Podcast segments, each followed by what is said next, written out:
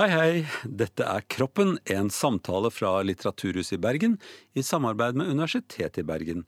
I dag snakker jeg med forsker Janne Grønli om søvn og depresjon. I dag skal vi snakke om eh, depresjon og slitenhet med utgangspunkt i noe helt fantastisk, nemlig søvn. Og da har jeg fått med meg noen jeg, tro, en, en jeg trodde var eh, psykolog. Fordi at hun hadde fått det som tittel. Og hun er petroleumskjemiker. Eh, er ikke det gøy?! Eh, at man kan være noe annet enn det man driver med. For det er sånn som jeg driver med. Hun heter Janne Grønli. Hjertelig velkommen. Sett deg ned. Hei, Janne. Vi begynner alltid med litt vann. Ja, vi gjør det. Takk. Sett deg ned. Vi har jo vært så avanserte. Vi har alltid en sånn forhåndssamtale før, sånn at ikke folk skal bli så forskrekket over både hvem jeg er og hva de kan. For akkurat den kombinasjonen er veldig vanskelig. Altså Jeg tror jeg er helt vanlig, og så tror ikke gjesten at jeg er så vanlig. Og så etter en stund så tror de at jeg er vanlig. Så det driver vi med en ukes tid på forhånd. Og da var jeg i Frankrike, så vi har jo skypet forhåndssamtalen. Så jeg visste ikke hvor høy du var før du kom. Eller hvor liten du var. Ja. Når jeg var hallo-dame, for det har vært, så var det en som sa til meg, så traff meg og hilste på meg og sa at nå var jeg skuffet over underlivet ditt. For de så meg alltid bare herfra opp. ikke sant? Så det er det rareste komplimentet jeg har fått. Nå. For vi begynner med at uh, du egentlig forsker på søvn. Og det har du gjort ganske lenge. Du har også skrevet doktoravhandling om deprimerte mus og søvn, og hvordan hjernen fungerer under søvn. Og så hvordan, jeg må bare spørre deg først, hvordan endte du opp her istedenfor med petroleum? Kan ikke du bare si litt om det, så jeg vet det? Uh, ja, Petroleumskjemi er jo veldig mange som jobber med. Ja. og i hvert fall på Vestlandet. Det er jo mange som uh, jobber ute på plattformer, eller de jobber her på land, og de vil forske på det. Og denne råoljen som er mye penger i. Ja. Men den er utrolig kjedelig, syns jeg. For han ja. var så utrolig treig, og det var liksom ikke noe liv i denne råolja. Så tenkte jeg hva skal jeg gjøre da? Skal jeg fortsette med dette her sånn? Eller skal jeg finne på noe annet? Ja. Og så I Bergens Tidende så sto det en sånn fin stillingsannonse. Nå trenger vi en ingeniør på søvnlaboratoriet. Og tenkte jeg, Så fint finnes det! Ja. og det jeg gjorde så søkte jeg stillingen. Jeg ble ikke nummer én, jeg ble nummer to. Men så jeg... du har liksom blitt, ikke blitt valgt til noen ting, og, og endte opp her? En, ja. Men det har jo vært en utrolig lykkelighet for oss andre at du har blitt søvnforsker. For ja. du har jo funnet ut så mye rart. Ja, det er når du først finner ut at, at, søvn At du først kommer inn på søvn, så er det jo kjempespennende. For det er jo så mye som skjer i hjernen ja. og resten av kroppen. Mm, når vi sover og er våkne. Men visste du mye om hjernen før du begynte på søvn? Nei. Du visste omtrent like lite om det som jeg vet om petroleum, kanskje? Ja. Så det var fint at du kom over til oss. For det du, nå har du, eh, Jeg så det med en gang. Så du at jeg så det med en gang? når jeg ja. sa til deg? Ja. Her har du et, et sånn biokjemisk eh, formel. Så, ser du det? Ja, dere som ikke ser det, kan, så kan jeg si at hun har et kjede med en biologisk, biokjemisk formel. Og det er det stoffet som lager signaler i hjernen på dagtid. Ja, på dagtid. Når vi er våkne. Når vi er våkne. Ja. Og den heter serotonin. Og så sa du at den ligner veldig, den, den molekylet, på det molekylet som vi lager mest av om natten. Som heter melatonin. Mm. Er, hvor, hvor forskjellige er de? Denne her er stadiet før melatonin. Okay. Så da har du bare ett enzym som gjør at Bygger på litt? Uh, du kaster vekk. Kaster vekk ja, ja. Og så det... blir det til melatonin. Og det er et døgnrytmehormon som er sånn nattens hormon. Nattens hormon. Ja. Oi. Så eh, altså Vi begynner der ved at vi er våkne. Og da fyrer hjernen og holder på. Og eh, hvor, eh, hvor er vi mye mer aktive i hjernen vår enn andre dyr? Liksom? Er, fyrer vi mer? Er det mer mas i hodet vårt? Vet du noe om det? Nei, det tror jeg ikke. Nei. Jeg tror veldig mye mas i mange hoder når ja. de er våkne og, og aktive. Og, og så det, Man trenger jo rett og slett å hvile litt før man går på igjen. Ja. Og det heter søvn. Det heter søvn, og det heter hvile. Og det må alle eh, ha. Alle må det. Alle eh, dyr. Jeg har lest at delfinen sover ja. med halve hjernen av gangen. Ja. Det er helt fantastisk. Så de kan navigere, og de kan svømme. Og så har de funnet ut at de kan bare slå av den ene hjernehalvdelen. Så sover den, og mens den andre er våken. Men har de forskjellig Vi kan ikke snakke så mye om delfiner, men driver de driver den ene, Er de litt sånn dumme om natten og, og glade om dagen-aktig? Eller de, har de organisert hjernen helt symmetrisk? Det er helt symmetrisk. Det er bare at de switcher på hvem som Switch. får hvile. Rett og slett som en ja. trikk som kjører fremover og bakover. Som har førerhus i begge ender. Ja, det er noen som Fantastisk. er sånn symmetriske. Ja, det er kjempegøy. Mm. Vi er ikke symmetriske. Vi driver med litt forskjellige ting på hver side av hjernen, gjør vi ikke det? Mm, vi gjør det. Så hvis du f.eks. beveger den armen her sånn litt mye på dagtid, så sover den delen av hjernen litt ja. mer på natten. Å ja, da er den uh, litt fri? Ja. ja. Mm. Så det er sånn som kroppen fungerer omtrent. Du, da, og når vi, For jeg har alltid tenkt på når jeg sovner, så vet jeg jo Jeg lå flere ganger og tenkte nå skal jeg vite når jeg sovner, så jeg kan se på klokken akkurat når jeg sovner, så jeg vet når jeg har sovnet. Men det er ganske vanskelig øvelse. Det jeg får til, er når jeg våkner og ser på klokken og vet akkurat når jeg våknet. Så hvorfor er det så forskjell på det, tenker mange. Hva er det som skjer når man sovner inn? Hva er det som Slås det av bare én og én eh, så, sånn sikring? Eller at de tar ikke hovedsikringen? Og som man er om, våkner om morgenen, så slår man på hele anlegget? Er det litt sånn? Slår de bare sånn én og én bryter, liksom? Det, altså, det, er jo så utrolig vanskelig å sovne, egentlig. Og sovne er vanskelig? ja, og grunnen til det er at det er så mye som er våkent. Ja. Og så er det så mye som du skal slå av samtidig. Og det som slår det av, det er bare én enkelt del i hjernen. Oi. Og det er ett område. Vi kan bare si det er et preoptisk område. Ja. Der har vi. Kan du bare si hva det heter, da, siden du, man kaller det? Ventral, lateral, preoptisk område. Jeg bør ikke si det nå, ja. jeg er helt enig. Mm. Men det stedet, det er en liten prikk midt inni huet? Ja. ja. Og hvis de begynner å fyre, så hemmer de alle som er våkne, alle andre hjerneområder som er våkne. Ah, ja. Mm. Og det er litt av en jobb. Rett og slett et sentral som er slukkesentralen. Mm. Som sier 'Nå tenker jeg vi slukker dere', mm. og så gi en beskjed til alle steder som er våkne, mm. at de slukker. Hva er det som skjer ved slukking? Slukking Da, da, da uh, hjernen den signaliserer, eller den kommuniserer med signalstoffer. Vi kalles det for nevrotransmittere. Ja, det er Budbringerstoffer. F.eks. serotonin. Som for serotonin. Det er den som sier fra. Liksom. Det er kjemikken, kjemiske stoff som sier fra. Ja. ja. Og disse kjernene da, som er aktive når vi skal sove, de har stoffer som heter GABA altså som, og galanin. Ja, Og hva gjør de for noen ting? De hemmer. Å oh, ja, de hemmer det stoffet de der? Som, ja. Sånn så det... den, når GABA kommer på denne her, så blir denne her stille. Ja. ja. Okay, så da virker den ikke som et sånt fyresignal lenger? Nei, det... okay, så de, det stedet i hjernen som slukker, det sender ut et stoff som slukker områder i hjernen, sånn at Sover hele hjernen? Eller, eller, nei, for det er jo bare en eller annen sånn bevissthetshjerne, den som, er, den som vet at vi er våkne. Og Det som er så fint, er at hjernen er egentlig så våken når vi sover. Så hvis... Nei, det er vært så fint, er det det? hvis du hører en Har du hund? Nei. Nei. Men jeg har henne. Jeg har en du... dame. Ja. Og du, skal jo beskytte, du skal passe på henne, ikke sant? Ja. ja. Så hvis henne lager en lyd Hvis hun skriker, f.eks. Våkner du da? Ja, det kan du regne med. ja. Du sover ikke over den lyden? Nei, det sover jeg ikke over. Og det er viktig. Ja, så, det er viktig for oss. Så, så, hjernen er liksom halv, den er litt våken for en del ting. Men så hvordan kan jeg da vite at jeg sover? Det kan du ikke. Nei, jeg vet ikke at jeg sover. Nei. Jeg bare sover. Ja. Men jeg kan se at du sover. Ja. Men du vet ikke at du sover. Nei. Så man vet egentlig ikke at man sover. Hmm. Mm. Men jeg vet jo at når jeg våkner jeg vet jo, Nå er jeg våken, og så vet jeg ikke når jeg sover. Hmm. Tenk på den, dere. Mm. Men eh, du hadde gjort et sånt forsøk på jobben din hvor du skulle eh, lære opp en i hvordan man avleser hjernen når den sover. Fortell om det, for det syns jeg var litt artig.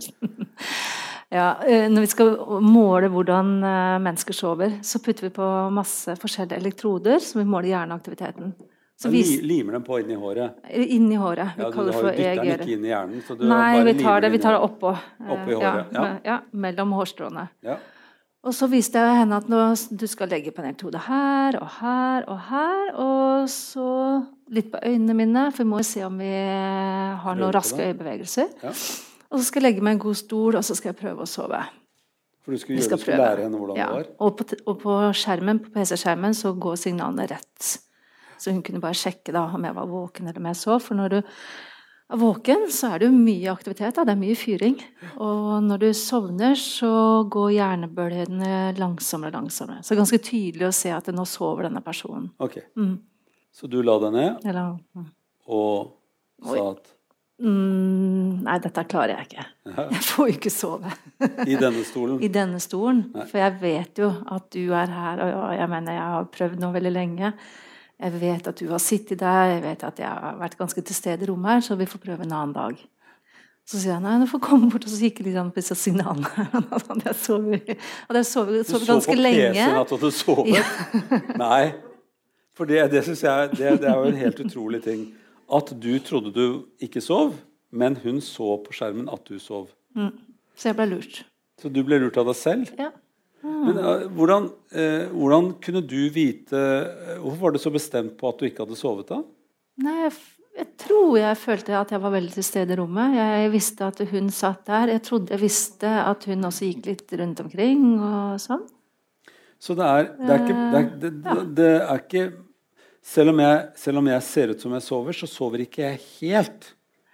Eller at jeg fanga opp de 10-20 sekundene hvor hun gjorde noen bevegelser, og så husker jeg ikke resten. Altså, ikke så det er litt sånn med det at eh, vi legger merke til ting, men den tiden vi ikke legger merke til noe, den husker vi jo ikke. Nei. Mm. Så det er en andre prosesser i hjernen som er våkne eh, når vi er våkne, enn når vi sover. For da har vi slått av en del ting. Hva er det som skjer inn, altså Vi har lært mange av oss da at det er noen søvnfaser. I psykologien så lærte vi at det var tre faser, men du sier at det er viktig å skille i hvert fall på to faser. At det er liksom en sånn uh, REM-søvn, som vi kaller det. Altså mm. Det betyr rapid eye movement, altså at øyet beveger seg raskt. Og så er det en veldig mye dypere søvn. At mm. det er to forskjellige kvaliteter ved det. Mm. Kan, ikke ta, kan, ikke du fortelle meg i, i, når, man, når, jeg sovner for første gang om natten Når jeg vil sovne og sovner, hvordan nå enn det skjer For det lurer jeg virkelig på. For nå begynner du å rote det til med at det er ikke sikkert at jeg sover helt. og alt det der. Men altså, når jeg nå sovner, og, og, og man kan si at dette er første gang han sovner hva er, som, hva, hva er, det som, skjer med hjernen min da? Du sier at det er veldig mye aktivitet. altså uh, det som man kaller for alfabølger. Veldig sånn fort aktivitet i hele hjernen når man er våken. Og når kan du se på skjermen din at jeg er sovnet? Hva er det som har skjedd med hjernen da? Mm. Først så går du i et transisjonsstadie. Altså ja. Det er alltid en transisjon fra våkenhet og til søvn. Så det er den der litt diffuse? Jeg er ikke ja. helt sikker på om du sover? Ja. ja. Og Den varer ikke lenge, den varer sånn to-tre minutter. Okay. Men det vi ser, det er at det, da kommer det sånne rare hjernebølger som er litt sånn spisse og litt raske.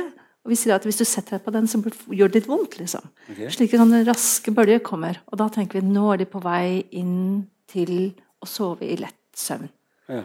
Når du kommer i neste søvnstadie, og den er ganske morsom ja.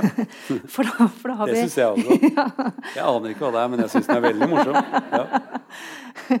Da har vi noe som heter søvnspindler. Søvnspindler? Okay. Mm. Og det vi ser da, da at Når det går langsomt, så plutselig så får det sånn diamantform. Og så plutselig går det mye raskere. Kun et halvt sekund, ett sekund. Oi. Og så går det Og så begynner det å spindle igjen. Akkurat sånn som diamanter bortover. Og det som er morsomt med det, det er at det i akkurat det ene sekundet, halvsekundet ett sekund, da utelukker du alt som skjer rundt deg. Og da så oppdager man ingenting? Da oppdager ingenting. Så hvis du hadde hatt et Ja, Trond Det er Trond-Viggo er litt langt navn. Ja. ja. Hadde du hett Tom, da, ja. jeg hadde sagt Tom til deg, så hadde du ikke hørt det. Nei. For Tom er veldig viktig. Altså Navnet ditt er veldig viktig. Ja. Så det våkner man av hvis man hører navnet sitt. Hvis du hører navnet ditt akkurat i en søvnspindel, så blokkerer en annen hjerneregion som heter thalamus, den informasjonen. Den kommer ikke opp her. Så vi får ikke med oss at det skjer noe rundt oss. Nei. Ok. Så, litt- så de som har masse søvnspiller, de er litt vanskelig å vekke. Så er det en sånn overgangsfase hvor man rett og slett begynner å kutte ut verden på et vis. Og hva skjer etter det, da? Da begynner man har kommet i den dype søvnen. Nå lager du sånn dype bølgebevegelser med hånden. Fantastisk, ja. Hele Er det- er det hjernebarken sånn, hjernebarken eh, danser skikkelig langsomt. Er Langsomt? Ja. Ok. Eh, og da, da kan det sammenlignes med sånne dønninger på havet, f.eks.? Sakte dønninger. For det høres litt koselig ut. Kjempekoselig. Ja. Er, og det er dyp søvn. Det er dyp søvn. Så man går fort innover mot en dyp søvn når man sovner. Mm. Eh, Men da, er så, da kan ikke jeg høre det som er rundt meg da heller, eller? Eh, I hvert fall så er det høyere, det tar, det er høyere vekketerskel, sier vi. Ja. Det skal litt mer til før Ja. du våkner. Du våkner, men det skal litt mer til. Ja, men altså, Man må riste meg liksom litt. Eh, og, så, eh, når, og så etter hvert kommer den rem-søvnen, og det er drømmesøvnen, liksom? Vi kan drømme i alle søvnfaser, okay. men vi husker gjerne drømmen fra rem-søvn. Og en grunn til det er at vi har gjerne en kort oppvåkning før vi, Oi! etter at vi er ferdig med en rem-søvn. Og da husker vi jo drømmen. Åja, så du, den derre tunge, den dønningssøvnen, Ja. den er den, den tungeste søvnen. Ja. Også den rem-søvnen, den er litt lettere. Og da kan du plutselig våkne før du går ned i dypet igjen. Og det gjør vi nesten hver eneste gang oh, ja. før vi begynner på en ny, ny ikke-rem-søvn. Ja. Så den første fasen er egentlig en bla, bla, bla, bla, bla og så en tung søvn. Og så en re- la, la, la, la, la, la, litt sånn søvn. ja, og så våkner man litt, og så brrr, dyp søvn igjen. Mm. Og da kommer man i fase to. Så gjør man det samme en gang til. En sånn fase, hvor lenge varer den? Den varer ca. 90 minutter. En sånn uh, syklus med de uh, forskjellige fasene, og er ferdig med én runde. Ja, da er vi ferdig med én runde. Så etter, tre, etter en og en halv time så er man litt sårbar for å våkne igjen, da. Ja, Ok. Er det mange som våkner etter en og en halv time? det er det. Jeg tror veldig mange som hvis de sovner sånn ved ellevetida, så er det kanskje noen som helt naturlig våkner sånn ved to-tida Ja. og tenker at eh, ja, får jeg sove igjen? da?» Ja, men det gjør dere. ja. Bare ikke stå opp Nei. og, og sette på lys eller noen ting, men bare prøve Men å ta det helt man, med kan man stå på tisse litt? Grann? Hvis du må. Ok. Eh, og, så, og så sovner man tungt igjen, og så er det, er det en syklus nummer to. Og de to første syklusene sa du til meg at de er ganske like, for da skjer det viktige ting i hjernen. La oss ta hva det er viktig som skjer i hjernen de tre første timene man sover. Hva er det som skjer da? Da har vi aller meste av den dype søvnen. Ja. Og det som skjer i hjernen under den dype søvnen, det er helt kjempefantastisk. Å, dette må vi høre om! Ja, ja, For at det rett og slett så er den dype søvnen nesten som en vaktmester. ja. Eh, her ryddes det. For når vi. Det, når vi er våkne, så bruker vi energi. Og vi, det dannes masse avfallsstoffer. Og dette er som må ryddes. Avfallet. Som, Avfallet. ja, fordi at alle de serotoninene og de der som er i farta, de har noen avfallsstoffer. Og da tenker hjernen det må vi ta senere, for nå holder vi på noe helt annet. Så de bare kaster alt uh, søpla et sted. Ja, og hvis det blir for mye søppel et sted, så er det ikke lett å kommunisere. Nei, Det står litt søppel i Det veien. står litt søppel i veien. Okay. Ja, så vi må få vaska ut den. ja. Er det det vi kaller for hjernevask? Det er hjernevask. ja. Når man rett og slett går over og børster bort rotet. Ja, tre første timene. Ja. Tre første timene så er det vasking av hjernen. Flott. Men det som er kjempespennende er at det, når vi er våkne, så er det jo egentlig ganske altså Hjernecellene de vokser jo. Og så Ja, er du det ikke jo, de vokser jo. Ja, det er, det er så mye de eser opp. Det eser opp, oh, ja. rett og slett. Eser opp. Og så får det masse nye kontaktpunkt. Og så blir det masse nye nettverk. Men så kan vi ikke holde dette her sånn helt uendelig. Altså det blir jo, og I hvert fall ikke når det er avfallsstoffer der. Nei. For da mister vi liksom effektiviteten her. Ja. Så det må på en måte få litt tid til å hvile litt. Og Så- bygge seg opp igjen. Ok, så eh, eh, man, Med en gang man er våken og jobber veldig mye med en del av hjernen, så fyrer den av med masse av disse stoffene serotonin. Og så bruker den det opp og kaster det bort. Og så det avfallsstoffene ligger imellom. Og så, når vi sover, så vaskes det bort. For da eser ikke det. Da Da, skrumper, da skrumper det. skrumper hjernen litt. Og så blir det mye mer rom mellom hjernecellene. Og det kan Og man da- vaske. Det vannet som er mellom hjernecellene. Ja. Det, Kjempeeffektivt. Å, så lurt. Ja. Men det visste vi ikke før for tre-fire år tilbake. Jeg visste det ikke før for tre år siden. det er helt nytt. Men visste man ikke det? Noen, ingen visste det? Nei. Så fint. Ja. Så det vet vi nå. At rett og slett den, den, de første, første tre-fire timene av søvnen det er rett og slett uh, si, som om vi gikk på do. Altså bli kvitt all Vaske ut alt skitten. Og så er vi friske og opplagt igjen. Så løper vi ikke med, med full mage. Og da, da, er hjernen Da har den øh, kan brukes avfall, øh, nye av disse serotoninstoffene. Og det er ikke noe avfall i veien. Så da er den skjerpet igjen. Mm. Da kan denne hjernecellen kommunisere med den hjernecellen. Så, det går kjemperaskt. Kjemperaskt. Så det vi, når vi er effektive om dagen, det kan vi ikke være et helt døgn. Fordi at det, det er for mye jobb for hjernen. Så den må vaske og hvile. Huh. Hva, eh, når vi da har gjort det et par ganger, et par sånne sykluser om natten, så kommer syklus nummer tre, for man sover jo mer enn tre-fire timer. Hva bruker man liksom, hva er det mest av da resten av natten? da? Er det mm. sånn ja, nå gjør vi det andre vi ikke får gjort. Ja, er det sånn drømme... Det har vi da ikke gjort på vi. Gjør, vi det? Resten av natten. Oh, ja, da drømmer resten av natten, for det er veldig gøy. Det er bare rot. Eh, er det, driver den mer med drømming på slutten av natten? Det er mye drømming på slutten av natten. Ja. Mm. Og hva mener du er drømming sett fra din kjemiske uh, ståsted? Det er derfor vi har bedt deg som petrokjemiker å komme inn på drømmeforskning, sånn at vi kan få visst litt om dette her. Hva, hva er det den gjør da? Hva gjør hjernen når den drømmer sånn mm. kjemisk? Mm. Vet du det? Vi begynner å vite. Det er en ting som vi vet kanskje aller minst om. Ja. Men med drømme så kan vi gjøre så mye ting. Altså, kan, um, det med denne rem-søvn Vi har sagt at denne dype søvnen Da har vi sett at disse bølgene er veldig langsomme. Dønninger, ja. Mm. Mm. Når rem-søvn, da er hjernen nesten like aktiv som skulle vært våken. Å? Mm. Så selv om vi sover, og føler at det, denne, Når vi er remsen, så føler vi at vi sover veldig dypt, men det er fordi at vi ikke kan bevege armer eller bein. Så selv om du drømmer for eksempel, at du er på fotballbane, så kan du ikke sparke ballen. For eksempel. Nei, med det, beinet mitt. Med beinet ditt eller armen. Du, du kan, kan bare gjøre med tankene. med tankene. Ja. Ja. Og det kan være en ganske fordel. Ja. så den føles dyp. altså Du har muskelatoni. Og Muskelavslappet. Nå sa du atoni. Jeg må bare oversette de gangene. Ja. Men hodet jobber veldig mye. Og så lurer man på hvorfor i all verden er det sånn aktiv Vi kaller det for aktiv søvn. da. Mm. Mm. Hos barn så ser vi at denne, de har veldig mye av denne aktive søvnen. Og det, har vi, det vet vi at det er veldig viktig for at hjernen skal utvikle seg. For at nevronene skal utvikle seg, og at du skal skaffe, få disse nye kontaktpunktene. At den hjerneregionen skal snakke med den og den og den. Og Derfor trenger vi den aktive søvnen. Altså i hvile. At vi ikke gjør det i våkenhet, men at vi, at vi får en aktiv tilstand også under søvn. Når vi blir eldre, så er det litt forskjellige hypoteser ute og går. Nå er det mange som kjenner den andre rotteforskeren. Det er Moser og Moser, ikke sant? Ja, mm. De som vant Nobels fredspris? Mm. ja, der tok jeg dere. Det var ingen som fulgte med. De vant ikke fredsprisen, men de vant Nobelsprisen. Ja. Og det de vant Nobelsprisen mm. eh, i fysiologi, det mm. var at vi har et GPS-system i hjernen. Mm. Og det tenker man, der er rem-søvn veldig viktig.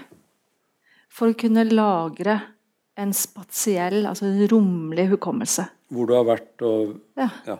Mm. Og det er viktig for emosjoner.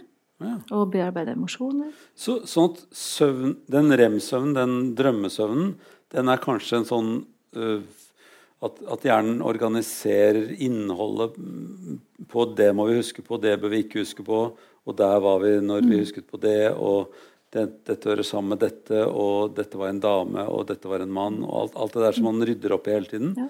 Vi kaller det, vi har et ord som kalles for replay. Altså, replay? At vi spiller tilbake litt av det vi har opplevd. Ja. Hvorfor er det så veldig rotete da i en søvn? Hvorfor går, er Det ikke helt, det vært mye greier hvis man bare gikk gjennom uh, det man hadde gjort i ordentlig play, men det er jo uh, latterlig play. Det er jo Bare kjører jo frem og tilbake på den tapen hele tiden. Er det fordi at uh, det er litt sånn rotete når man rydder? Har du sett meg rydde i kjelleren min, så vil du vite at det er veldig rotete mens jeg rydder. Jeg må ta ut en del ting før jeg skal få plass til noe nytt. Er det sånn hjernen jobber også? Det høres ut som at det var en veldig fornuftig forklaring. Okay. altså jobbe Så jeg kan få jobbe den. på ditt forskningslaboratorium. eh, eh, nå er vi, nå er vi sånn litt ferdig med at vi har sovet, men hva er det som får oss til eh, Hva er det som gjør at vi trenger dette her så veldig viktig? Hvorfor er søvn så veldig viktig i forhold til hvordan vi oppfører oss om dagen? Hvorfor, hvordan påvirker det dagen vår, altså vår våkne tilstand, det at vi sover? Hva vet vi om det? Altså, vi, vi vet at søvn er viktig for veldig mye, og spesielt for mental helse. Mm. Mm. Og det tror jeg de fleste har oppdaget, at hvis du ikke sover nok, så det første som skjer, er at vi har en kort lunte. ja. ja. At vi kan være litt sånn gretne eh, på morgen, At vi på en måte også er litt sånn skeptiske. Og det er, det er fascinerende. De siste årene har de, ut, eh, har de testa, tatt hjerneavbildning hos mennesker da, som ikke sover en natt. Og så har de vist forskjellige bilder av ansiktsuttrykk. Et, en natt hvor de har sovet godt, en natt hvor de ikke har sovet. Og de forteller at disse ansiktsuttrykkene er nå mye skumlere, og de ser ikke litt mer aggressive ut etter en natt uten søvn. Så du tolker det visuelle, det foran deg, som litt annerledes hvis du ikke har sovet. Mm. Ja, så vi er mer positive eller mer glade hvis vi har sovet? Yes. Det er kjempegodt. Altså, søvn er helt deilig for meg og for deg. Ja. For da opplever du meg som mer hyggelig og, og blid. Jeg kan være blidere. Du kan oppleve meg som hyggeligere. Så... Hvorfor er det noe som heter morgengretten da, da? Man alle skulle være morgensol, egentlig. Ja. ja. Vi har jo så forskjellige dimmeperiode, da. Ja. ja. Så vi har døgnrytmeforskjell også, i tillegg. Mm. Mm. Ja. Mm. Så noen er A-mennesker, og noen er B-mennesker. Ja, og noen er B pluss. Noen som er B pluss. og hvis du våkner da, hvis du har en vekkerklokke og du er B pluss, hvis du har en vekkerklokke som ringer klokka sju eller åtte om morgenen, og klokka di sier at eh, nei, vent nå litt, dette er midt på natta, så min vekkerklokke skulle vi ikke ha ringt før klokka ett eller to. Da er det helt annerledes å stå opp. Ok, Så det, det, er sammenheng mellom det å sove og døgnrytme på en eller annen måte. Og den døgnrytmen, er den genetisk? Er det sånn at jeg har en annen døgnrytme enn en som jeg ikke er i slekt med? Den uh, døgnrytmen er nok også genetisk, ja. Uh, men det vi vet Vi driver og skyver på den også, selvfølgelig, ved å reise rart og sånt. Ja. Men, uh, men vi vet at den døgnrytmen forskyver seg også selv om, gjennom livet. Også. Oh, ja. Og ungdommer, og hvis du kommer i puberteten, så forskyves denne døgnrytmen litt. Det er litt vanskelig å stå opp om morgenen. Og hos noen av ungdommene så er det faktisk biologisk. Det vil si at den biologiske klokka i hjernen, den er rett og slett forskyvet. Og så kommer den på plass en sånn i slutten av 20-åra. Ja. Så det er en sånn naturlig ting som, som skjer hos noen ungdommer. Noen ungdommer hjelper til litt da, med å ikke legge seg. Ja. Og sitte og lese og kanskje på iPad eller uh, mobiltelefon eller være på sosiale medier. Men så har du de som virkelig At det, at det skjer inni hjernen. Mm. Så vi er litt forskjellige som individer med så A- og B-mennesker, det er faktisk en ting? Det er en ting, ja. ja. Mm. Så morgengretten kan jo ha noe med det å gjøre. da. Man kan ha sovet godt, men man, er litt sånn, man, man blir litt klar litt senere på dagen. Mm. Mm. Men det som er fint med B-mennesker, da, de er helt uh, identiske som oss når det gjelder liksom, hvor mange timer søvn de skal ha. Det er bare at hvis, hvis, vi setter søvnperioden vår her, hvis det er midnatt her og her er klokka seks-sju om morgenen, så skal vi sove sånn ca. sju timer. Mens B-mennesker de bare har det der. Forskjøvet litt? Forskjøvet litt mm. ja. uh, går det an å kompensere på noen måte det der? Man kan prøve å justere tilbake til samfunnet. Det ja. kan man gjøre. Og da, hjelp, da, bruker vi noe som kalles Zeitgebre. Altså Hva er det for noe? Ja, tidgiver. Det vil si at den biologiske klokka i hjernen den reagerer på stimuli. Og lys er veldig viktig her. sånn. Ja. Så hvis du får lys, så forteller du hjernen at nå er det dag. Så kan du, da kan du hjelpe B-mennesker med å sette sin rytme tilbake til samfunnsrytmen. Oh ja, ved å stimulere dem lysmessig? Mm. Ja, for, du, for altså, du, sa til meg, og nå kommer en annen sånn der viktig ting for meg eh, eh, Da vi snakket sammen, at jeg har jo lært at øyet har sånn tapper og staver. ikke sant? Det er sånne quiz-spørsmål, så det vet man at fins der. Og så sa det også noen sånne lysømfintlige celler som har direkte kontakt med hjernen, på en eller annen måte, og som ikke har noe med syn å gjøre, på den måten, mm. men har noe med lyspåvirkningen av øynene mm. å gjøre. Mm. Det må du fortelle de andre om også. Ja, Det er kjempefascinerende. Og det, kom, det har vi først også visst om i bare sånn ca. 20 år. Altså. Mm. At vi har noen eh, celler i øyet som ikke eh, viderefører altså det visuelle, det, altså syn, at, det syn, at det vi ser. Men at bare lyset signaliserer at det er dag. Ja. Og det er gjerne det blå lyset. Så det er noen pigmenter inne i øyet som fanger opp det blå lyset. Ja, Det blå lyset er jo ikke bare det som er blått. men altså Jeg har lært rogbiff. ikke sant? Rødt, oransje, gult, grønt, blått, indigo, fiolett. Det er hvitt lys. Ja, så det er hvitt lys, Men det er ja. litt blått inni det hvite? Det er litt blått inni det hvite. Ja, så det er, det er det blå i det hvite lyset også? Ja. Ok, Så det, det kommer fra sola uansett. Men når sola er oppe og alt er veldig lyst, da lyser det inn i øynene mine, og så får hjernen beskjed om at nå er det dag. Ja. Og så, sa du var 23 forskjellige steder i hjernen hvor det sa 'hei, hei, nå er det lyst'. Ja. Mm. Våkne opp, nå er det dag. Mm. Eh, hva, hva, fører det til med hjernen, da? Hva? Ja, da blir du våken, da. Ja, det er to det... ting. For det første så kan du styre døgnrytmen. For den, disse, denne lyset uh, går også direkte til den biologiske klokka vår. Mm. Og det vil si at Da resetter du den biologiske klokka. For min klokke er litt mer enn 24 timer. Okay. Min er kanskje litt nærme ikke, ikke, 25, men jeg merker det på vinteren når jeg ikke har det lyset. Så er det vanskeligere å gå til sengs, og så er det vanskeligere å våkne på morgenen. Okay. Så det er lettere å forskyve seg. Så jeg trenger lys om morgenen. Og da resetter jeg min rytme til 24 timer. Så det er én informasjon øyet gir til hjernen. Det er å sette at nå nå er det dag. Ja. Nå begynner dagen? Nå begynner dagen. Nå er det klart. Ja. Mm. Og så uh, gir lyset signaler om å være våken og være aktiv. Ja. Mm. Helt ned i hjernestammen får uh, beskjed om det fra lyset. Så det, det, er jo mye viktigere å få lys om morgenen. Mm. Uh, så, så, lys om morgenen er viktig for oss rett og slett bare for å være våkne og komme i gang og restille klokka vår. og vite, altså Det er ganske mye som settes i gang på en gang. Uh, hvis, hvis, hvis, det ikke fungerer, altså hvis man f.eks. ikke er ute og ser sola, kan man bruke et, en, en, annen lyskilde? Sola er den aller beste, da. Så, så, gå en tur i lunsjen. Det er, det er fantastisk. Det er så sunt. Så, så hvis vi bør være ute i sola, rett og slett for å, at kroppen skal få beskjed om at den skal være våken, ja. blir den gladere av det? Altså blir den aktivt glad? Av å være i sola. Og det er det der smykket ditt igjen. ja. Mm. Altså serotonin. Serotonin. Så Denne den, her øker Eller serotonin øker produksjonen med lys. Så da får vi mer serotonin. Så det er rett og slett kjemisk at vi produserer mer serotonin, som setter i gang mer Som gjør hjernen glad og våken, og, og at det er dag. Og at vi restiller klokka vår, og alt det der skjer på en gang. Pga. sola. Fordi just sola er stått opp. Og vi er stått opp. Og sola er lyset på oss. Mm. Det er helt fantastisk. Så vi, eh, vi, er rett og slett eh, en del av jorda på den måten. Altså at vi, vi, må ut i lyset. Er det sånn på den andre siden at når eh, sola går ned, så holdt på å si, går vi ned også? Er det, er det sånn at da slukker vi òg? Nå nikker du. Det er helt utrolig. Er det sånn at vi rett og slett slukker med sola? Det er så fint, for at det, nå er det litt vanskelig å slukke nå, da, når vi har masse kunstig lys inne. Ja. Så det har skjedd noe. altså Man har tenkt at når, når eh, vi oppfant glødelampen, så tenker man også at det har gjort noe med søvn og våkenhet. At vi kanskje sover, så mye, eller sover mindre, som nesten en og en halv time etter at vi har fått glødelampen. For vi forlenger jo lysperioden.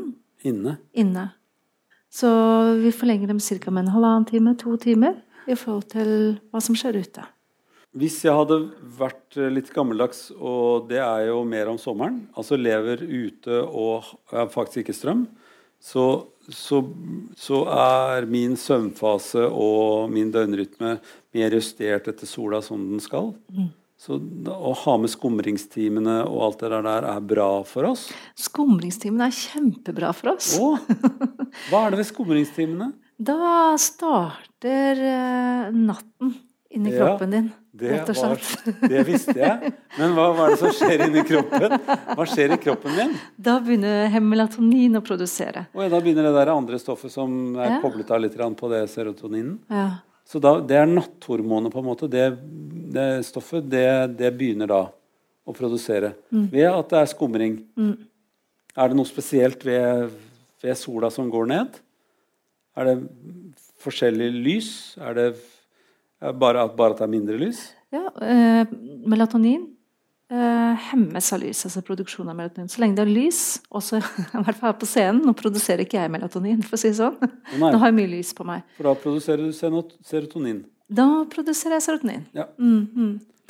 Men når det er mørkt i rommet, da begynner det, disse cellene her å produsere melatonin. Ja. Mm. Og da er melatonin til å sette Å ja, du har den døgnrytmen. Nå skal det være natt, og nå er du inne i den fasen av døgnet. Så skumringstiden, selv om den er veldig lang her i Norge, den er med på å starte kroppen mm. på nattrytmen sin. Mm. Så, så, alt dette her henger jo litt sammen. da. Vi er en del av naturen, og, og vi oppfører oss mer naturlig hvis vi er i naturen. Hva, hva, hva kan dette ha ført til at vi blir altså vinterdeprimerte som vi kan bli her i Norden, for vi er så langt oppe på kloden? Er, kan det ha noe med lyset å gjøre, at, at, det er mindre dagslys? Kan det rett og slett ha, ha, en så enkel forklaring? I hvert fall så er det jo kjempefascinerende at hos de som er litt eh, trenger lys, da I oktober så kommer sånne symptomer. Symptomer som at de har lyst til å sove lenge, de har lyst til å spise noe søtt, og de mister litt energi. Og litt av de symptomene som vi kaller for vinterdepresjoner. Mm. Og det som også er så fint, er at det, er så enkelt å behandle. Det er rett og slett å bare gi lys på morgenen, og så forsvinner de symptomene av seg sjøl etter noen dager.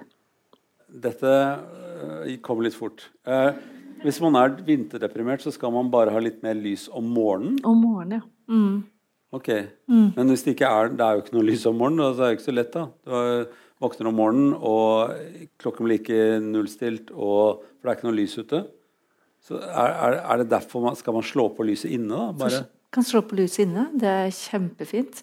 Ja. Du har masse ja, det jo, ja, ja, men dette er jo for lett. Eh, eh, kan, kan, man bli mindre vinterdeprimert bare med å slå på lyset om morgenen? Ja.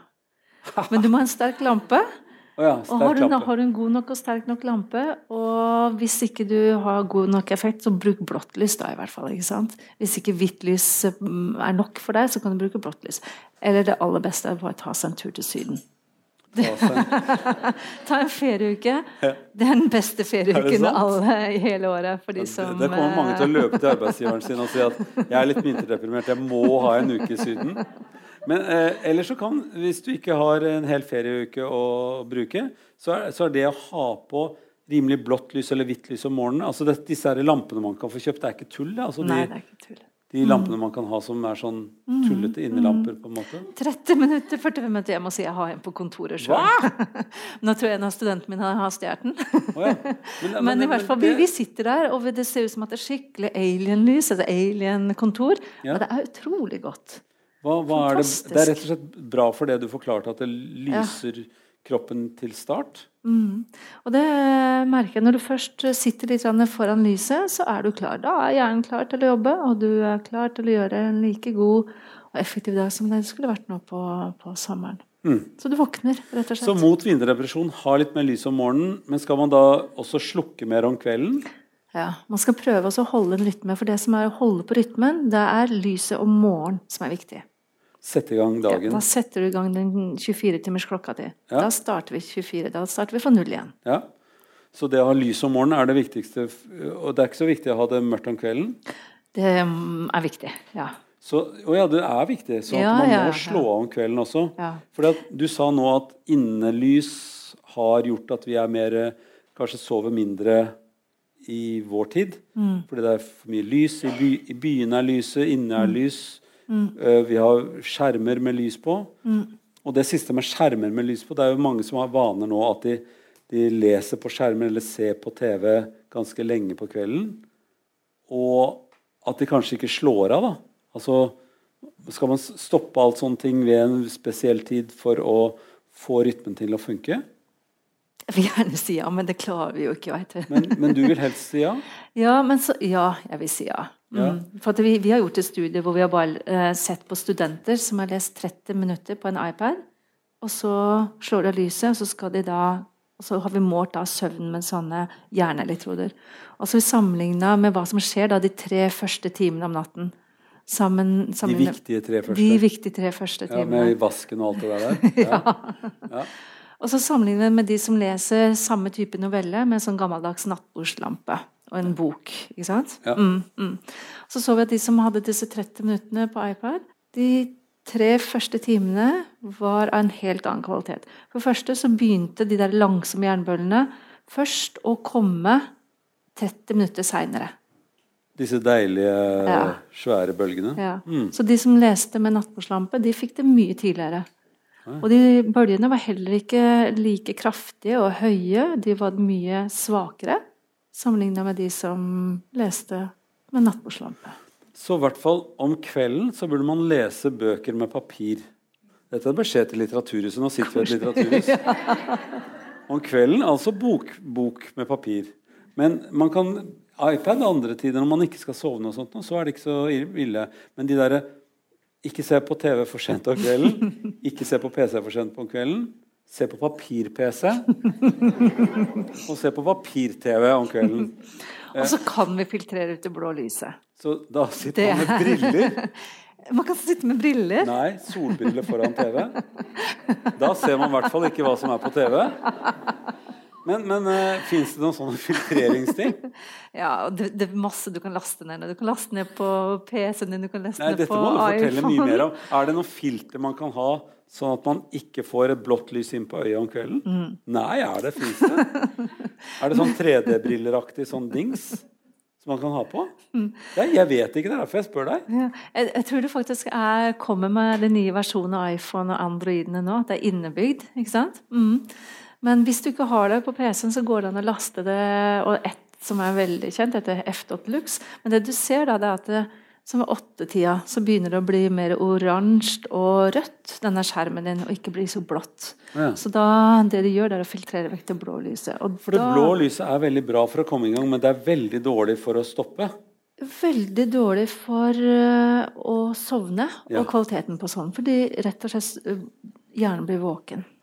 Mm. Dette bør jo folk få vite, og nå vet de det.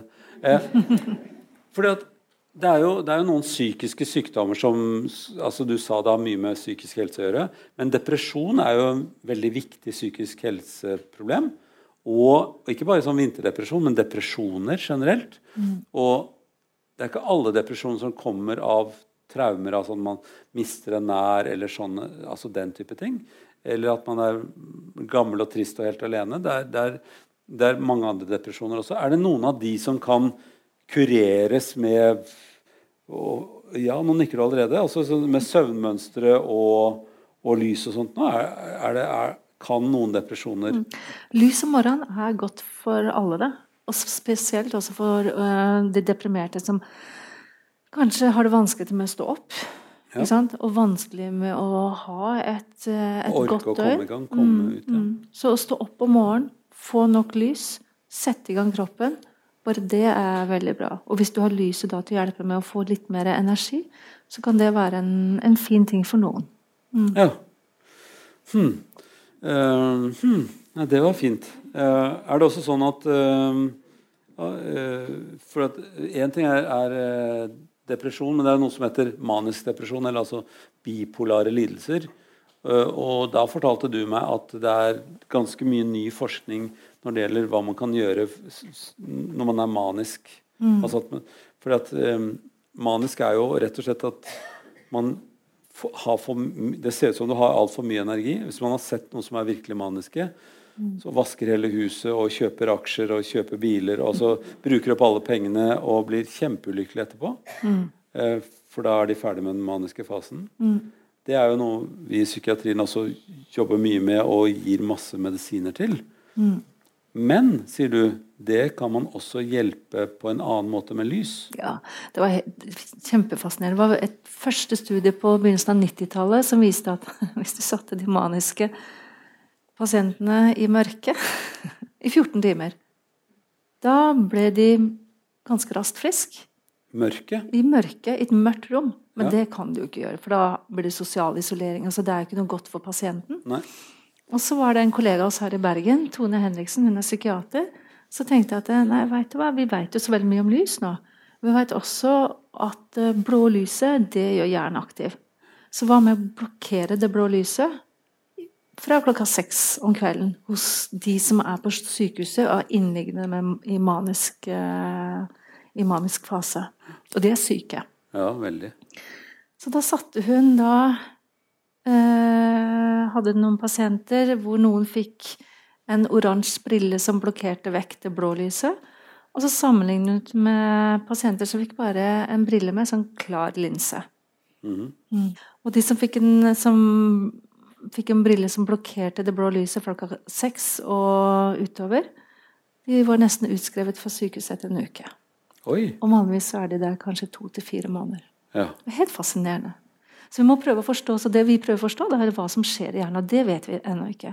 Hva er det som gjør at disse responderer så utrolig godt på å fjerne det blå, aktiverende lyset, da, som du veit har en effekt på 23 forskjellige hjerneregioner. Mm. Mm. Så de som da var maniske og fikk det filteret, særlig om kvelden, de, de, de, de, fikk slukket en del av denne maniske aktiviteten. Mm. Uh, men de hadde allikevel måttet måtte stå opp om morgenen av det blå lyset da. Ja, det ga ikke så mye På dagen kunne de eksperimentere seg for så mye lys som de ville. Men det som var interessant, var at noen av disse pasientene de har jo allerede funnet ut Så har noen har jo kjøpt briller allerede før de kom til Tone opp i denne behandlingsstudien. Så de har funnet ut at det var jo så deilig å kunne slappe av litt og beskytte seg litt for lyset. Så det virker som at lyset er, er en ting som gjør hjernen veldig aktiv hos maniske pasienter. Mm. Så kanskje de som har tendens til å ha en sånn type hjerne, har det kanskje medfødt? Kanskje. kanskje. Og så eh, eh, for, at, for, at, noen av disse som er maniske og bipolare, de har jo sånne maniske episoder holdt på å si, når, når, når, sola kommer tilbake sånn i, i, vår del av verden. Da. At det er sånn mars-april-fenomen. Ja. At da blir de mer maniske. Mm. Uh, og at det kanskje også tyder på at det har mer med lys å gjøre enn vi har trodd. Mm, kanskje da. Mm. Når det blir plutselig sånn lyssvingninger, og det plutselig blir flere timer med lys, da er det mange som kjenner at dette her eh, er en periode hvor man får sånn mye mer aktivitet i, i hjernen. Mm. Og til slutt så kjenner de at nå må de ha hjelp til å få på plass alt dette her. og men fordi at det, Den kalles jo bipolar sykdom nettopp fordi den handler om det der å være veldig manisk og være veldig deprimert. Mm. Eh, er det noe man kan gjøre ved den depressive fasen deres også? Vet du hva, det, akkurat, det er en litt vanskelig gruppe. Det. Eh, vi tenker at vi har veldig lyst til å gi lys da, til de som er deprimerte. Mm. Men hvis de da også har en mulighet for å trigge en manisk episode, så skal du være litt forsiktig. Akkurat. Så hvis du gir lys på morgenen til en som også er sårbar for mani, så må man være litt forsiktig med å følge opp litt og være litt trygg på at dette sånn skal gå bra. Mm. Ellers kan du trigge motsatt vei. Mm. Mm. Nå er dette en veldig spesiell gruppe, selvfølgelig. Men, eh, men den kunnskapen om denne gruppen sykdommer, det, det, kan kanskje hjelpe oss til å forstå litt mer med hvordan vi, vi som ikke er så syke, da, men som kanskje er i en en, en, dyp fase hvor man av andre grunner er, har det dårlig. Mm. Altså er lei seg eller er det dårlig. Tror du det også kan hjelpes ved at man tenker på lys og søvn? Ja, jeg vet hva jeg tenkte på det her om dagen etter at vi hadde snakka. Ja. På morgenen så hadde vi frokost, og så var det mye lys ute. Men det var ikke bare lys, for det var mye fint du så. Mm. Det er noe med det. Hvis du også er ute og du får med deg kanskje en himmel som beveger seg, eller du ser noe fjell, eller du ser fjord, eller du, du, opplever noe godt, så er det også veldig god stimuli. Lys er en av de.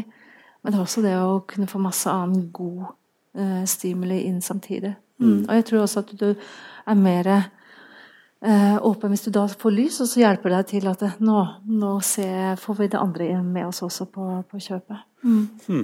Du, du, sa at vi går gjennom livet, og at det er litt forskjellig hvordan vi sover og hva slags humør vi er i, og, og, og hjernen utvikler seg jo hele tiden. Er det, er det noen stor forskjell på, på, på si, Nå sa du at de unge kanskje kommer på plass sånn søvnmessig, døgnrytmemessig og sånt nå ut, ut i 20-årsalderen. Forandrer det seg resten av livet, sånn at man går over i Har man lettere for å bli deprimert senere i livet, f.eks.? Uh, du tenker depresjon? Jeg, jeg tenker depresjon og humørsvingninger og, og sånne ting som, som, har med oss å gjøre. Da. Det vi vet når vi blir eldre, så har vi heter noe sånn sundowning-syndrom. Sun. når vi eldre, så er vi også litt, sånn, litt mer sensitive. Da, da, får vi litt lite lys, ja. rett og slett. For da er vi også kanskje ganske mye innendørs. Så det er også en ting at når vi får litt lite lys, og spesielt når vi blir eldre og kanskje er på et sykehjem, så er det lettere å også få disse depresjonssymptomene fordi at vi har ikke lyset, vi har ikke aktiviteten, fysisk aktivitet heller. Så, så det å gjøre forskjell på natt og dag, og få den gode amplityden Nå er det, nå er det dag, da har vi fysisk aktivitet, masse lys, nå er det natt. Å få forskjellen på natt og dag, det gjør at vi også kan takle litt mer av, av humør og at du har, har det som er litt mer stabilt. Ja, så det er kanskje viktigere for eldre da, at det er ordentlig, ordentlig natt om natten mm. og ordentlig dag om dagen, mm. men at kanskje eldre sover, har jo et andre søvnmønster som til slutt håper å si, ligner mer på babyene. Ja. Så De sover er våkne og sover er våkne. Kanskje på en litt annen måte enn det voksne, aktive mennesker er. Mm. Jo eldre du blir, jo viktigere er det å kanskje skjelne mellom dag og natt. Mm og sove når du sover, og være våken når du er våken. Mm. Men da kommer vi over i eh, Når vi snakker om baby og, og sove litt her og sove litt der, eh, da må vi snakke også om eh, sånne powernaps. Altså det å, å, duppe litt av og sove litt. Og ha noen sånne hvilefaser for hjernen. For, for mange er jo dagen for lang. Man er for lenge våken og driver med for mange ting. Sånn som Noen ganger så tenker jeg også at når jeg både skal gjøre noen ting om kvelden og ha en arbeidsdag om dagen, at jeg trenger sånn aktivt å skille de to tingene fra hverandre. Jeg må la hjernen få litt fri før jeg skal gå opp og være kjempekonsentrert og snakke med deg om interessante ting. Da prøver jeg å lage en sånn, en sånn ordentlig hvilefase. Det høres ut som jeg hviler veldig lenge, men jeg hviler jo nesten aldri mer enn et sånn kvarter 20 minutter. Jeg bare legger meg ned sier til hjernen min at nå må vi bare slakke den. Og så tenker jeg på bare sløve ting. Det jeg tenker på, prøver jeg bare å la fortsette på en sky. Og så døser jeg litt. Og så har jeg antageligvis, som du sa, jeg har ikke sovet, men det har jeg antageligvis lite grann. At det er blitt helt borte. Eh, eh, du er jo veldig for sånne ting, vet jeg. Eh, hva er det som skjer med oss når vi har powernaps, eller bare døser litt, eller slakker hjernen litt i løpet av en dag. Hva, hva skjer med hjernen da? Ja, skal vi tilbake til ah, de hjernecellene som svelger opp når vi er våkne? Ja. ja. Og når de svelger opp, så blir de jo så Altså, de blir ikke effektive lenger. De kan ikke svelle i det uendelige. Så hvis du har 15-20 minutter, så får du lov til å hvile litt. Og så kan det begynne å svelle litt. Og da ser du, at da kan du bruke det igjen rett og slett. Ok, Så det er rett og slett en sånn short charging? En sånn, eh, en sånn batteri eh, for det, for det, skjønner, altså Jeg har hørt om en gammel dame, og hun sa til meg hvordan går, jeg, hvordan går det med det? Så jeg, du vet, jeg må legge meg litt ned og lade av og til, sa hun. Så hun la seg ned til lading, som hun kalte det. For da hadde hun liksom litt energi å gå på igjen.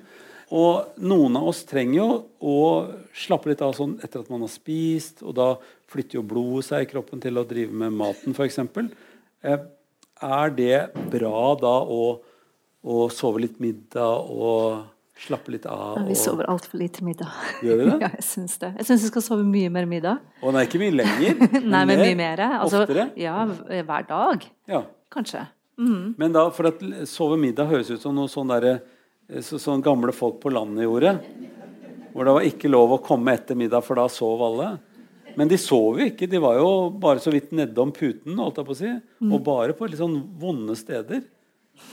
Altså, folk på, folk på gårder de sov ikke i senga. De la jo seg bare på sofaen litt. Eh, men sånne ting mener du er bra? Ja, Det er kjempebra. Det er bra for uh, hjernen. hjernen. Og i hvert fall for studenter som skal ha eksamen. Mm. For da er det lettere å lære og huske på hva de leste før den powernappen. Men ødelegger det for kveldssøvnen? Ødelegger det for nattesøvnen? Hvis de blir lange, og hvis de blir veldig nærme leggetid, så kan det ødelegge. For du skal jobbe opp et behov for å sove. Du klarer ikke å sove hvis du har sovet to timer før. sant? Nei. Så du må være våken en tid, og så skal du jobbe opp et behov. Så, så siste rundt sånn 4.50 kanskje? En kvarter siste, siste gang er 4.50, ja? ja det, altså igjen, du, Man kjenner jo seg sjøl hvis du fungerer fint med en liten powernap klokka 6-7. På seg selv kjenner man ingen andre enn seg selv. Det er bare eh, så, Men, men hvis, jeg, hvis, jeg, skal sove litt, så skal jeg ikke gjøre det for sent på dagen. En powernap som varer én time klokka fem på ettermiddagen, den, den kan ødelegge. Ja. Okay. Mm. Så opp mot en halvtime eh, før klokka fem. Mm. Eh, Og hvis du ikke har problemer med å sovne på kvelden, så er det, er det tommel opp. Yes. yes. Mm.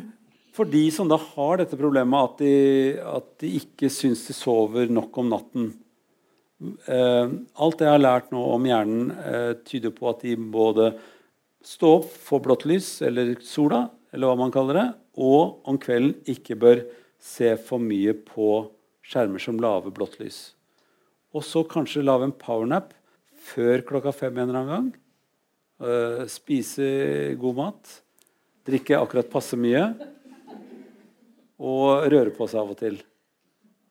Spise, fysisk aktivitet, og så da er vi i mål. Ja. ja. Og dette er veldig fint. Jeg syns det var en super avslutning. Jeg syns jeg har lært så mye av det. Og det er lenge til jeg skal gå og legge meg allerede. Tusen takk.